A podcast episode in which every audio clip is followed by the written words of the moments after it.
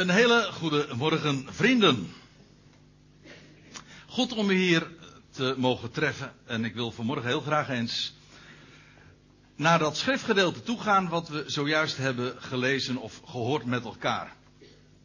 En met name daarbij eh, de aandacht vragen voor dat eerste gedeelte uit 1 Korinthe 3. En daar ging het over melk en vaste spijs. En uiteraard, maar dat hoef ik nauwelijks toe te lichten als metafoor. We gaan het vanmorgen niet hebben over voeding aan zich. Of over de, het nut of het onnut van melk, want ook dat staat uh, altijd erg sterk uh, ter discussie. Trouwens, als ik het over melk vanmorgen heb, dan heb ik het niet over melk. Zoals je dat bij de broodmaaltijd drinkt met een, een, een glas melk erbij. Nee, ik heb het over en als Paulus daar in 1 Korinthe over spreekt, en trouwens ook de Hebreeënbriefschrijver, uh, als, hij het over, als zij het over melk hebben, dan gaat het over moedermelk. Melk uit de borst, melk uit de fles, maar in elk geval melk voor een zuigeling dus. Melk en vaste spijs. En misschien is het goed om meteen maar eens even naar dat gedeelte toe te gaan in 1 Korinthe 3. Kijk, u moet zich voorstellen, Paulus had nog maar een paar jaar tevoren, hoeveel precies is niet helemaal duidelijk, maar dat zal niet meer, niet zo gek veel meer geweest zijn dan twee, drie jaar daarvoor, in Korinthe, het geweldige goede bericht over Christus Jezus daar doorgegeven, over hem die volgens de profetieën de beloofde Messias is. Hij beantwoordde volledig aan het profiel dat de schriften van hem tevoren hadden gegeven. Wel, hij heeft zijn leven gegeven. Hij stierf. Paulus legt dat ook allemaal aan die Corinthiërs uit. Het is een lange brief. En hij legt uit ja, het ABC van die boodschap die hij daar gebracht had. Hij, in eerste instantie had hij daar in de synagoge gesproken en had bewezen vanuit de schriften dat Jezus de Christus is. We lezen dat ook in het boek Handelingen, dat hij dat op die manier in Korinthe ook gedaan had. Nou, en hij heeft de boodschap gebracht van Jezus die stierf en hij werd begraven naar de schriften. Alles zoals voorzegd is, maar, en daar gaat uiteraard de boodschappen over, dat hij is opgewekt uit de doden ten derde dagen naar de schriften. En ik citeer nu vrijwel letterlijk het vijftiende hoofdstuk uit dezezelfde brief. Dat is het evangelie. Een hele eenvoudige boodschap. Het gaat over iemand. Niet over een filosofie, niet over een wet, niet over wat je moet doen, maar wat er gebeurd is. Het is een bericht dus met recht. Een mededeling. Ja, wat kun je daarmee? Wat kun je met een mededeling? Daar kun je maar één ding mee en dat is geloven. Een mededeling kun je niet doen. Nee, dat is namelijk een gegeven. Wel, dat is precies wat het, die boodschap ook was die de apostel Paulus daar in Korinthe had doorgegeven. Een, hij was een heraut. Hij had een bericht daar doorgegeven. Christus Jezus is opgestaan uit de doden. Hij is de overwinnaar. Met alle consequenties van dien. Er is nieuw leven. De steen is weggerold. En wij mogen nu al in nieuwheid des levens wandelen. En wat dacht je wat? Dat legt hij trouwens ook in 1 Korinthe uit. In 1 Korinthe 15, want Paulus neemt een enorme lange aanloop, mag ik wel zeggen. Voordat hij eigenlijk bij zijn punt komt.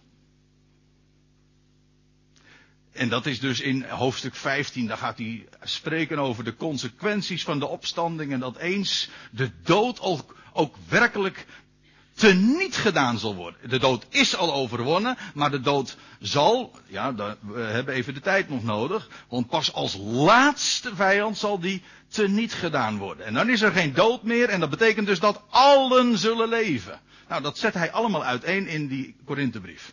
Maar zoals gezegd, hij neemt een hele lange aanloop. Hij wilde zoveel aan die Corinthiërs kwijt. Maar hij, en in de, de ondertoon is in deze hoofdstuk ook een beetje van een klacht toch wel. Dat wil zeggen, hij wilde zoveel kwijt, maar ze konden ze nog zo weinig verdragen. Nou, en als ik dat zo gezegd heb, dan kan ik hier wel inhaken op wat we lezen in dat eerste vers van 1 Korinthe 3 dus. Hij zegt, en ik broeders, u moet zich dus voorstellen, er zijn dus al twee hoofdstukken aan vooraf gegaan. En ik broeders kon niet tot u spreken als tot geestelijke mensen. Als tot geestelijken staat er eigenlijk letterlijk. Wat een wat verwarrend woord is voor ons. Want ja, ik hou eigenlijk niet zo van dat, van, van geestelijken, want het is, dat is zo'n ja, religieus begrip.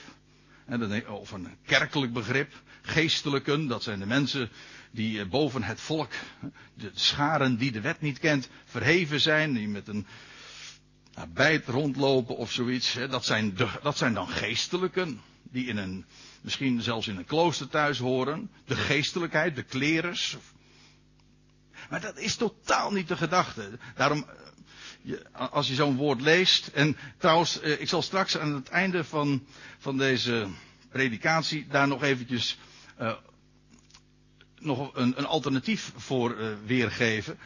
Want ja, met het woord geestelijkheid, zoals gezegd, uh, dat is niet zo fraai. Maar laten we eventjes dan kijken wat Paulus werkelijk bedoelt met dat begrip. Eventjes los van alle ballast waar wij het mee, mee verstaan. Nee, geestelijk. En Paulus had dat juist in het voorgaande uh, hoofdstuk had hij daar nog over gesproken. Toen had hij twee dingen tegenover elkaar gestaan. Helaas komt het in de vertalingen niet uit de verf. Maar dan had hij, hij had gesproken over geestelijk en over ziels. Geest en ziel plaatst hij tegenover elkaar. En dan lees je in 1 Korinthe 1 vers 15. En dat moet uh, eh, 2 vers 15 zijn, zie ik ineens. Maar goed. Ja, 1 Korinthe 2 vers 15. Maar staat er dan, de geestelijke mens. Die beoordeelt alle dingen.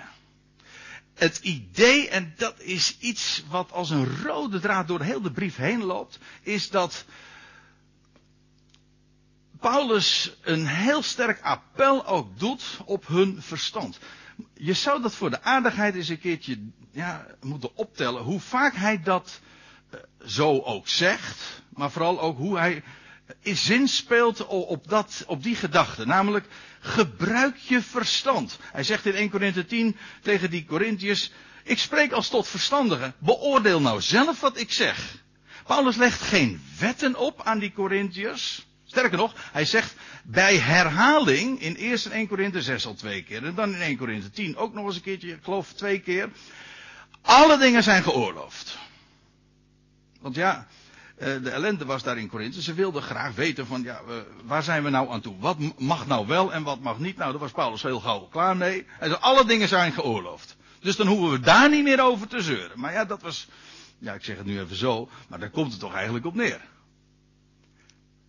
Natuurlijk, dat is niet het einde van het verhaal. Want dan kom je, als dan alles geoorloofd is, ja, dan sta je alsnog voor een keuze. Ja, maar wat moet ik dan doen? Nou, zegt Paulus, dat is heel, dat is, het criterium daarvoor is heel eenvoudig. Wij zijn als gelovigen in de vrijheid geplaatst. En er is één vraag die voor ons ertoe doet. En dat is, wat is nuttig? Ja, nuttig volgens wat dan? Nuttig voor wat? En volgens welke criteria? Met het oog op wat?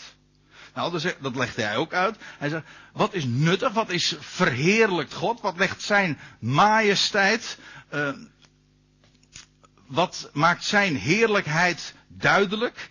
Dat is een criterium. Hij, hij zegt ook, wat bouwt op? Niet alles is nuttig, niet alles bouwt op.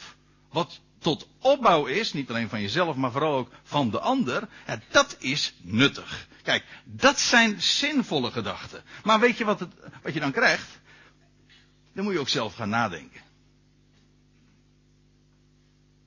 En dat is wat hij ook tegen die Corinthiërs zegt. Hij, hij, hij, hij had tot, tot dusver de hele tijd tot hen gesproken ja, als tot baby's. Niet als tot geestelijke mensen die zelf hun geest gebruiken, hun verstand. Een geestelijke, en nou ben ik weer even terug bij hoofdstuk 2, vers 15, wat u hier dus voor u ziet. Uh, de geestelijke mens, die beoordeelt alle dingen. Hij gebruikt hier een Grieks woord, en dat is anakrino. En dat woord, dat komt nog eens een keertje voor. Maar ik wil op u één plaats wij, wijzen die toch wel heel erg uh, interessant is in dit verband. Een geestelijke mens die beoordeelt, dat wil zeggen onderscheidt andere dingen. Die kan dingen ook inderdaad op zijn merites beoordelen en daarover nadenken. En in Handelingen 17, dat is een tamelijk bekend vers. Daar wordt hetzelfde woord gebruikt, alleen het wordt anders, datzelfde Griekse woord moet ik zeggen, maar het wordt alleen anders vertaald. Daar wordt het vertaald met nagingen. Maar het, hetzelfde Griekse woord.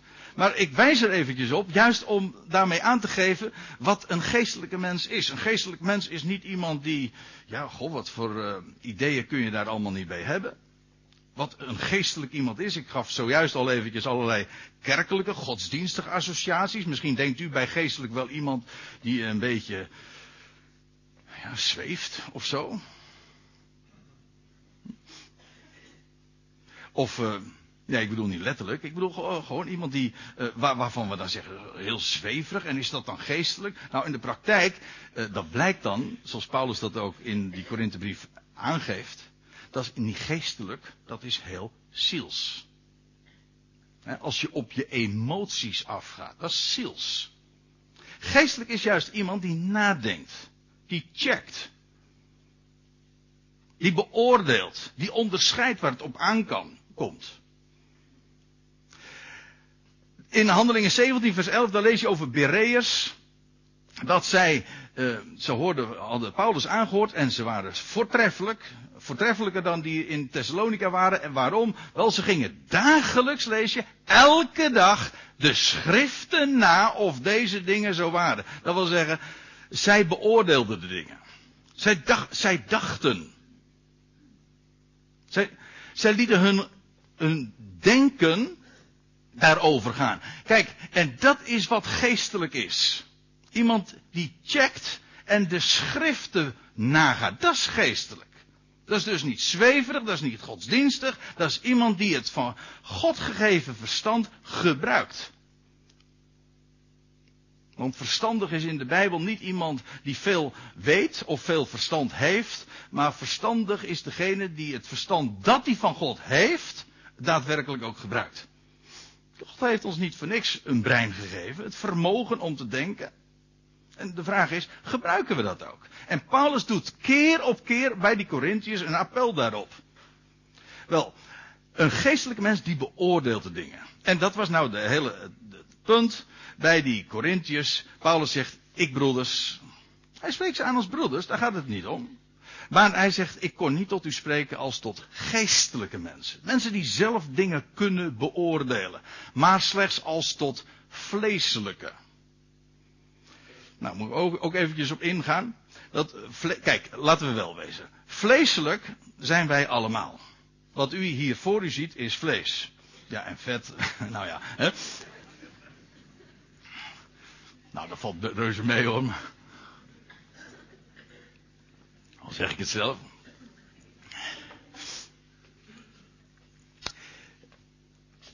Maar dat, dat is het punt niet. Maar wat vleeselijk is, is niet. Kijk, dat is trouwens de tweede brief. Dan zegt hij: uh, Wij allen leven in het vlees. Maar, zegt Paulus dan, dit is een heel ander verband. Wij, strek, wij trekken niet te strijden naar het vlees. Kijk, en dat is precies het hele punt. Vlees zijn wij allemaal. Stof, gewoon het materiaal waarvan we, waarmee we zijn opgebouwd. Maar vleeselijk is iemand die naar het vlees leeft. Die het vlees, gewoon dat wat we zijn en wat we voelen, alle impulsen die we krijgen, dat als, als, als leidraad neemt in het leven. Wij hebben hogere criteria. iemand die vleeselijk leeft is eigenlijk heel, heel dierlijk. Toegeven aan, aan je instincten, aan je impulsen, et cetera. Nee, eh, Paulus zegt, ja, jullie zijn eigenlijk nog inderdaad, uh, jullie zijn niet geestelijk. Dat wil zeggen, jullie beoordelen de dingen niet. En bovendien, jullie zijn vleeselijk. Dat is eigenlijk min of meer in dit verband synoniem. Mensen die naar het vlees leven, naar dat wat je, wat je ziet en wat je voelt, is daar iets mis mee met zien en voelen? Nee, helemaal niet. Maar dat is niet onze leidraad. En ik wil u even meenemen, weer naar de Korinthebrief. Maar dat is dan dus de volgende, 2 Korinthe 5, daar lees je in vers 16 dat Paulus zegt, een prachtige context, maar dat laat ik even voor wat het is. Zo kennen wij dan, dat is min of meer een conclusie, zo kennen wij dan van nu aan, en het idee is, sinds Christus is gestorven, voor alle mensen, de losprijs is betaald voor iedereen, hij is verrezen uit het graf, zo kennen wij dan van nu aan niemand meer naar het vlees. En in wezen, dat is, uh, ja, wat een mens doet. Naar elkaar kennen naar het vlees. Elkaar, ja, wat, wat, wat, wat je ziet en wat je vindt. Bepaalde sympathieën of antipathieën die dat oproept. Dat is allemaal heel logisch, ook heel vleeselijk. En dat bedoel ik zonder enige waardeoordeel aan, aan toe te kennen. Het is gewoon zoals het is. iemand roept sympathie of antipathie op of, of zo. Ja, maar dat is als je, als je daar je leidraad aan ontleent, dat is vleeselijk. En Paulus zegt, zo leven wij niet. Wij beoordelen mensen ook niet op basis van het verleden. Juist in deze, in dit hoofdstuk 2 Korinthe 5 had hij juist ook uitgelegd dat het verleden voorbij is. Dat telt niet meer. En wat er voor in de plaats is gekomen is een toekomst. En als je dan ook even verder leest in vers 17, ik sla één zin over. Zo is dan. Wie in Christus is. Een nieuwe schepping. Het oude is voorbij gegaan. Zie, het nieuwe is gekomen. Nieuw leven, een nieuwe schepping. En Paulus, wat Paulus hier naar voren brengt is, zo kennen wij elkaar. Zo kijken wij ook naar elkaar, naar onszelf en zelfs naar deze wereld. Niet op, we beoordelen niet de ander op basis van het verleden of op, basis van onze gevoelens of sympathieën of antipathieën. Nee, we beoordelen elkaar in het licht van de nieuwe schepping en dan wordt ineens alles totaal anders. Want de grap is, dan heb je weliswaar te maken met allemaal ja, dezelfde realiteit. Ik bedoel, we leven hier en nu, 2013. Ja, maar hoe kennen we elkaar? Hoe beoordelen we elkaar? Zien we elkaar in het licht van het verleden en van onze eigen indrukken? Of zien we op grond van het woord van God, wat Hij heeft gesproken, elkaar als een nieuwe schepping? Dat wil zeggen, volmaakt. Dan leef je in dezelfde wereld en toch een compleet andere. Dan zie je elkaar als nieuwe mensen. Niet dus op basis van het verleden, maar op, zoals God rekent. God ziet ons nu al volmaakt. Hij weet namelijk wat wij straks zullen zijn. Zo rekent hij nu al. En als je in geloof leeft, dan leef je niet naar het vlees, wel in het vlees, maar niet naar het vlees. Maar dan beoordeel je elkaar zoals God ons ziet en zoals Hij ons ook daadwerkelijk zal gaan maken. Zo rekent God met de ander, maar ook met mij. En zo zie, mag ik dus weten, dat is Paulus in Romeinen 6, zo, laat het dan voor u vaststaan. Rekent ermee dat gij dood zijt voor de zonde en leeft voor God in Christus, Jezus. Onbekommerd. Nieuw leven. En zo, en weet je wat het is? Dan krijg je een compleet ander leven ook. Maar dat, wellicht dat ik daar straks nog eventjes op terugkom. Ik ga nog even verder in uh, dat eerste vers van 1 Korinthe 3. Paulus zegt, ik kon niet tot u spreken als tot geestelijken, maar als slechts tot vleeselijken. Nou, daar hadden we het al over. Nog onmondigen in Christus. En nou komen we een beetje bij dat onderwerp waar we het over hadden, wat ik had aangekondigd, melk en vaste spijs. Nog onmondigen in Christus. Babytjes. Een onmondige, dat is een, ja, dat is een, een baby die nog verzorging nodig heeft. Een onmondige, een, een, een baby, een zuigeling. Ja, wat kun je nou van een zuigeling verwachten? Nou ja, we hebben zojuist nog weer een, een, geboortebericht gehoord. En wellicht dat de ouders daar heel anders over denken dan dat ik er nu over spreek. Maar wat kan een baby nou?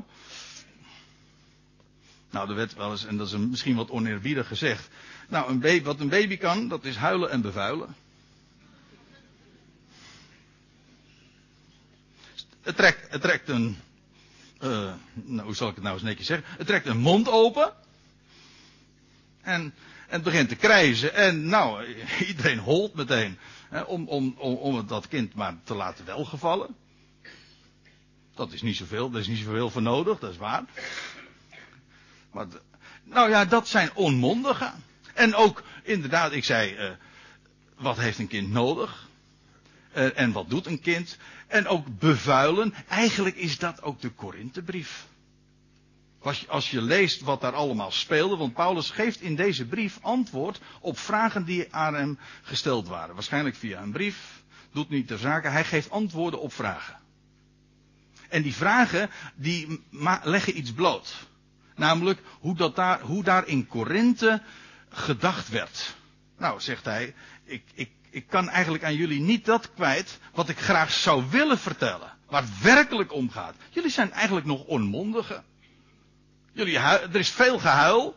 Een heleboel gezeur ook.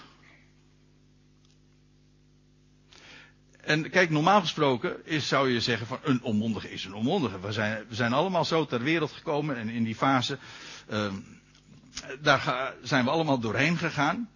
En je bent een zuigeling geweest. Maar het is natuurlijk niet de bedoeling dat je zo blijft.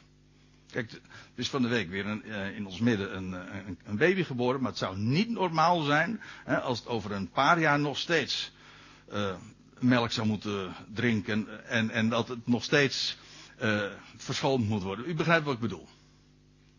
Dat is een, het is een normale fase, maar het is niet de bedoeling dat je daarin blijft hangen. En dat is eigenlijk een beetje de, het, het onderliggende verwijt wat Paulus zo heel voorzichtig eigenlijk laat doorklinken in deze brief.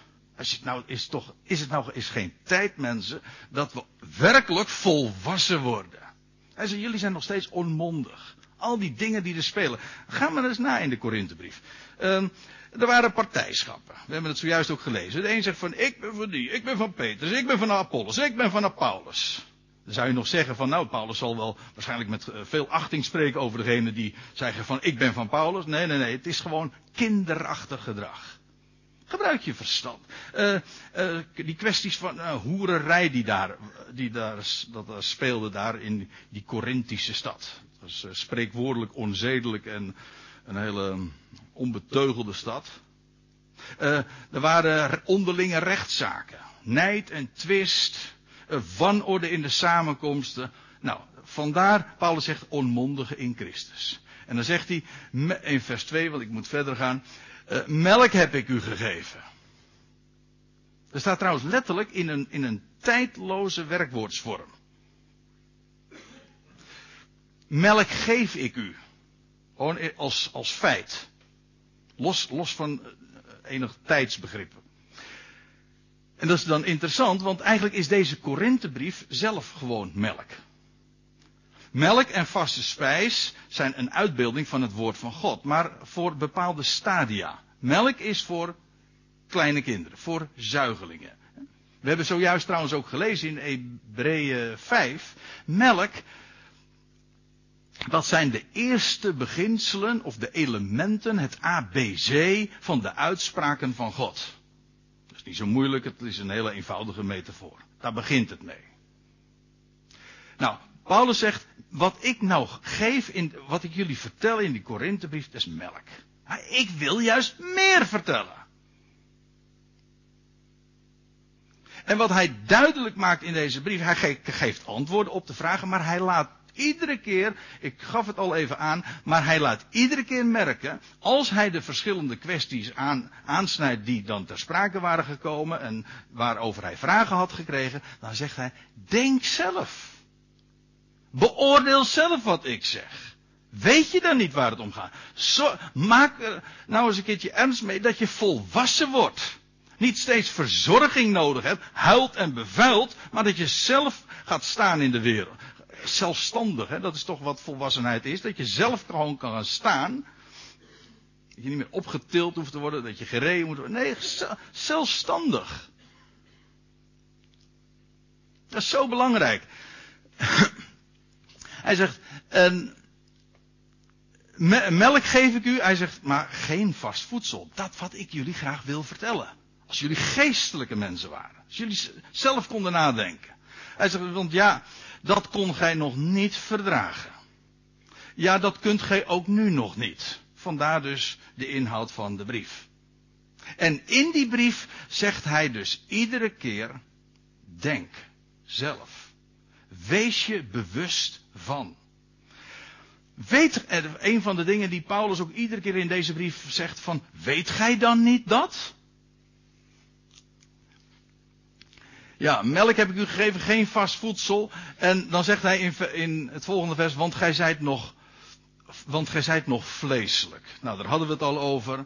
Want hij, hij legt het ook uit. Maar hoezo dan? Nou, want als er onder u nijd en twist is, zijt gij dan niet vleeselijk?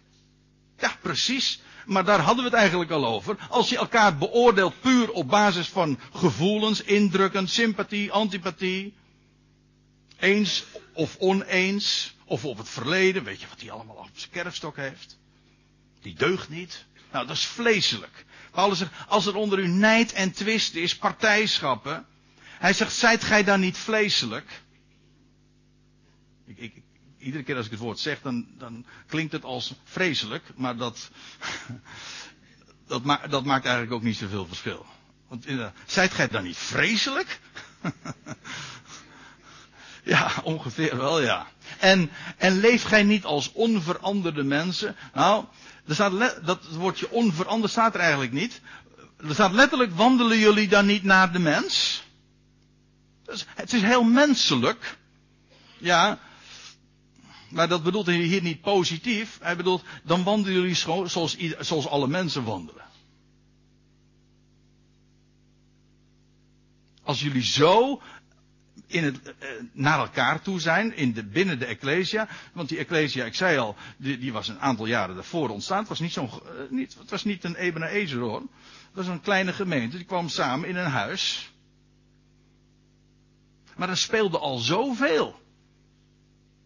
En er was zoveel nijd en zoveel twist. Nou, Paulus zegt van, dit is kinderachtig.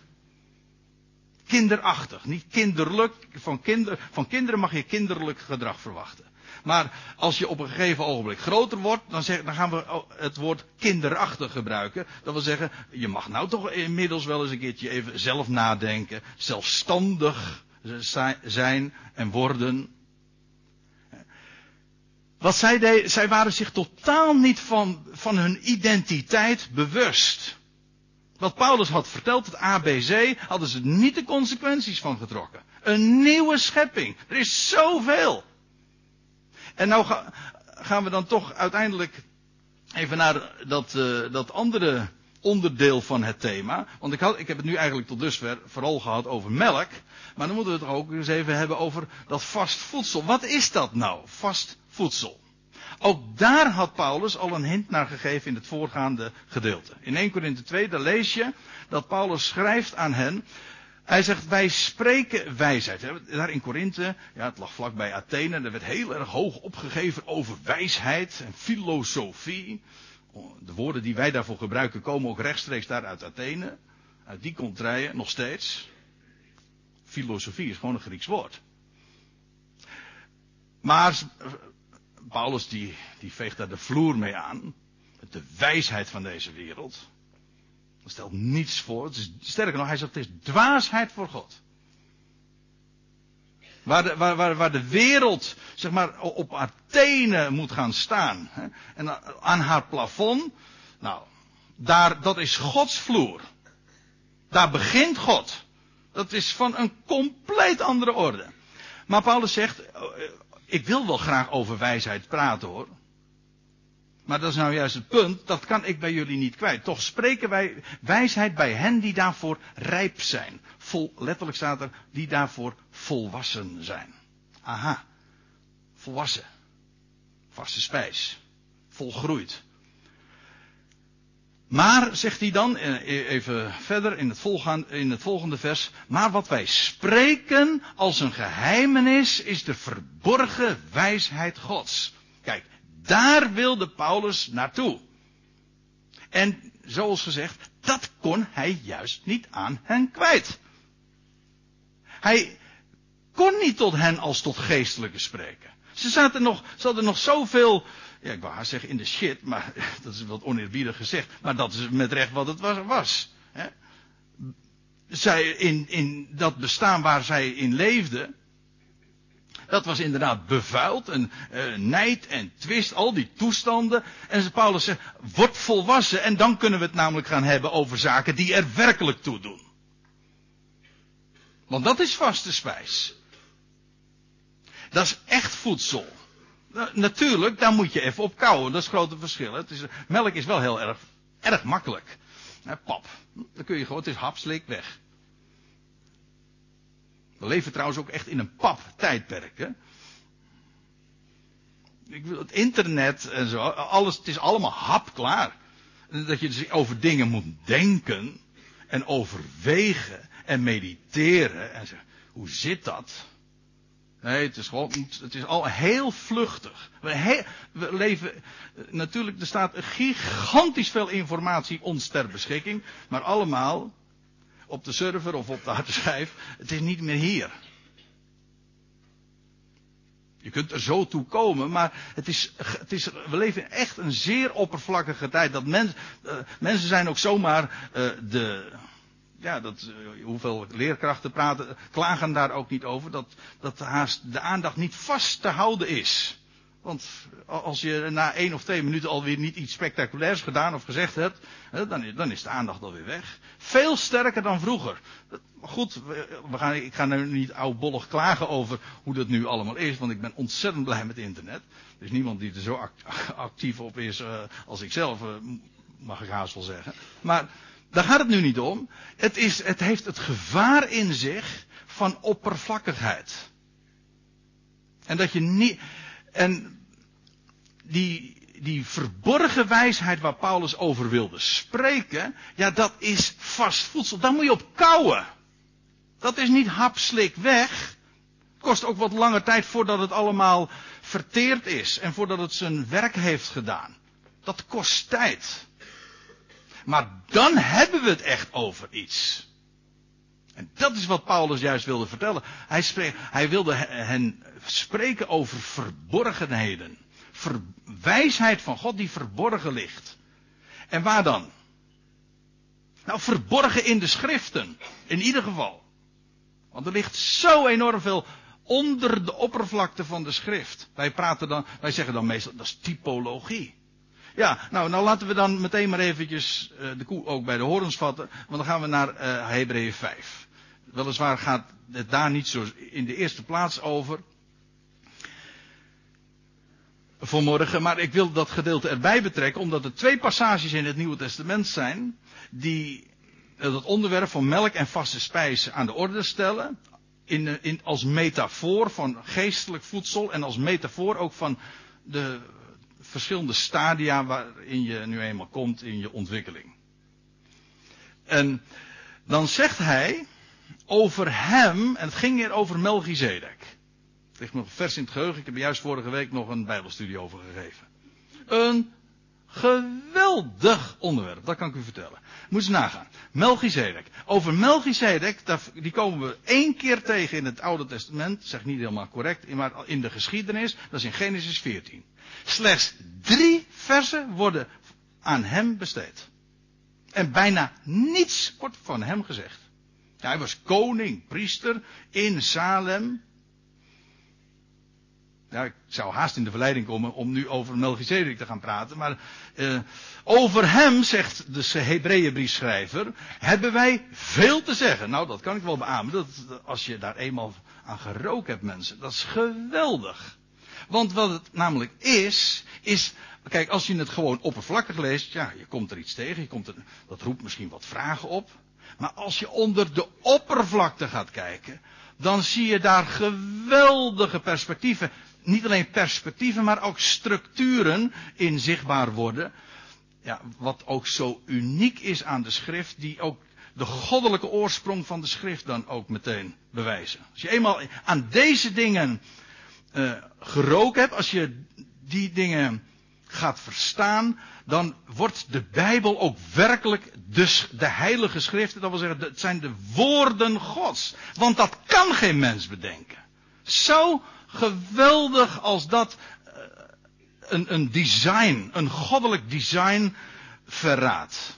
Nou, Paulus, of nou ja, de Hebreeënbriefschrijver, die anoniem is in de brief, dus dat zullen we maar eerbiedigen.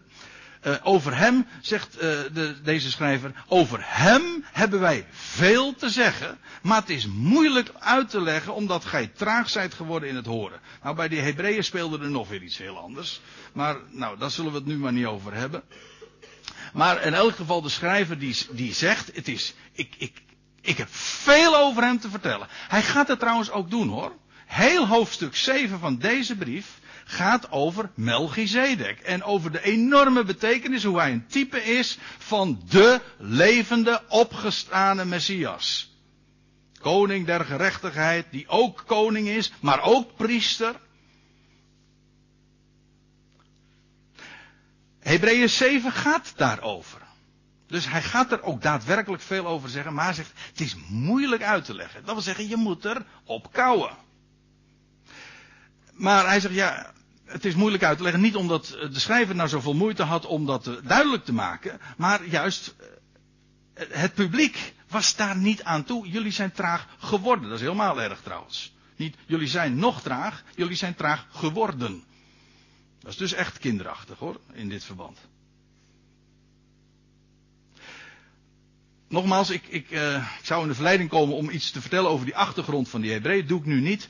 Maar ik lees verder in vers 12. Want hoewel gij, naar de tijd gerekend, leraars worden te zijn. Dat wil zeggen, jullie hebben zo lang onderwijs gekregen. Nou zouden jullie zelf in staat zijn om dat wat je geleerd hebt door te geven. Dat had normaal geweest. Maar hij zegt, gij hebt het weer nodig dat men u de eerste beginselen, de elementen, het ABC van de uitspraken van God leert. Weten we meteen ook wat melk is, want er staat vervolgens achter. En gij hebt nog melk nodig. Alsjeblieft, dat is melk. Dat is het ABC. Natuurlijk, daar begint het mee. En die, met de ellende met die Hebreeën was, ze waren weer in zodanig stadium dat ze weer gewoon melk moesten krijgen. Kennelijk waren, waren ze dat vergeten. Want mensen zijn vaak vergeetachtig.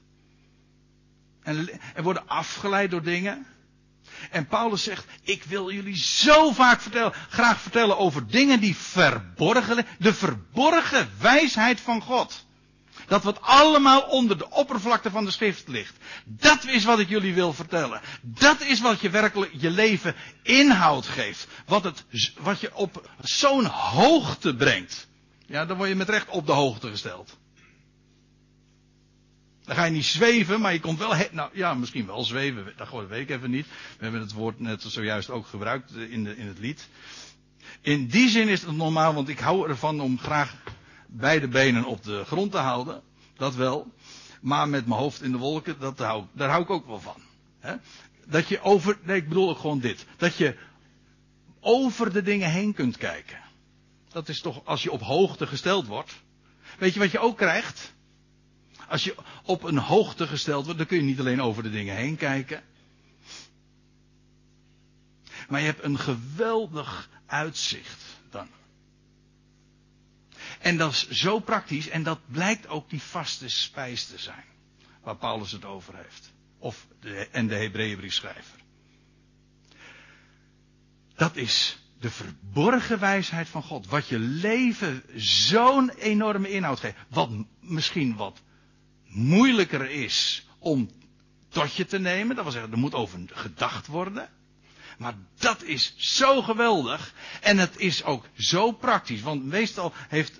Ik heb dat al zo vaak gehoord dat ze zeggen. Ja, als je dan eh, in Bijbelstudies zegt ja, het moet wel praktisch zijn. Daar bedoelen ze meestal van mee. Laat het melk wezen. Maar vaste spijs is zeer praktisch. Dan ga je voorbij aan de problematiek die mensen hebben. Maar je krijgt antwoorden op vragen die je misschien niet eens gesteld hebben, maar waarbij je zulke geweldige dingen hoort en die je problemen doen vergeten. Je wordt er gewoon bovenuit getild. Alsjeblieft. Kijk, want het is prachtig natuurlijk als je problemen worden opgelost, maar weet je wat nog veel mooier is? Want problemen zijn er toch toch altijd hoor. Want als de, als de, als de ene opgelost is, dan dient de andere zich alweer aan. Ja, zo is het toch? Maar weet je wat echt ertoe doet? Waar je echt mee gediend bent als je boven de problemen uitgetild wordt. Als je met recht op de hoogte gesteld wordt. Vast voedsel krijgt. Zodat je over de dingen heen kunt kijken. Zodat je de dingen in de toekomst kunt zien. Dat je Gods kijk gaat krijgen. En dan ga je trouwens ook lachen. Want dat is het laatste wat ik er graag ook over wil zeggen. In dit verband, want ik had u beloofd. Nog een alternatief te geven voor dat woord geestelijk. Nou, hier hebt u hem dan. Geestig. Dat zeg ik niet om lollig te doen. Want geestig is namelijk niet lollig. Geestig, dat is wat inhoud heeft. Maar het leert je ook, en dat zeg ik ook in verband met die vaste spijzen, als je op de hoogte gesteld wordt. Als je weet waar het werkelijk om gaat. Dan leer je relativeren.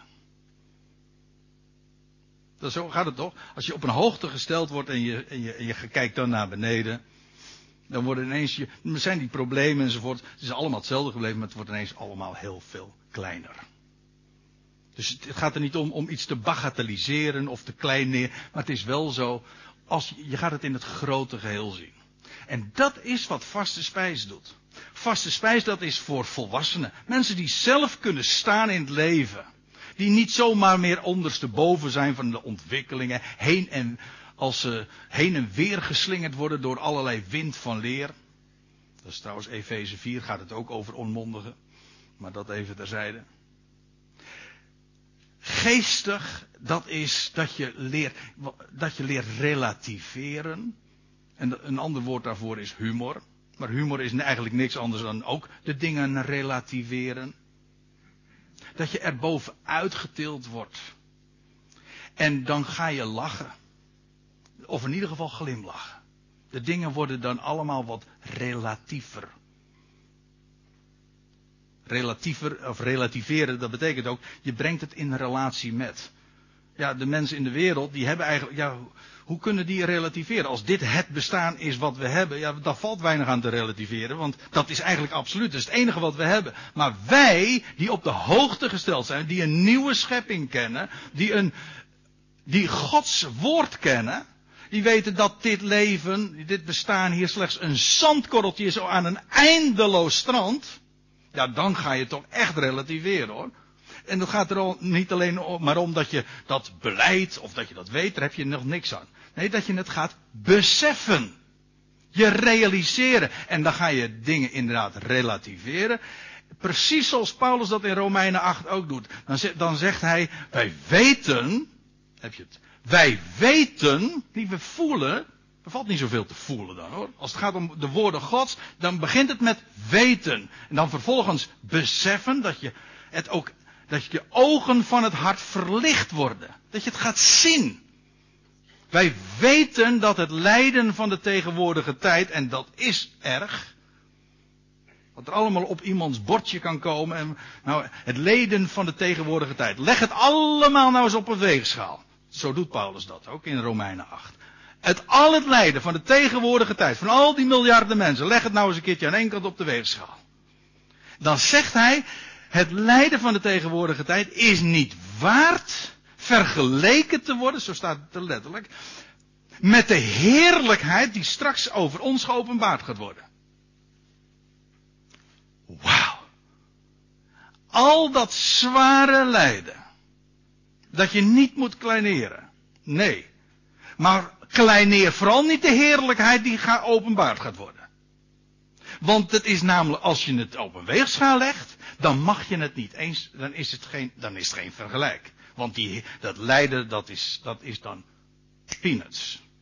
In, in relatie tot, hè, dus relativeren. In relatie tot die heerlijkheid die geopenbaard gaat worden. Kijk, dat is vast voedsel.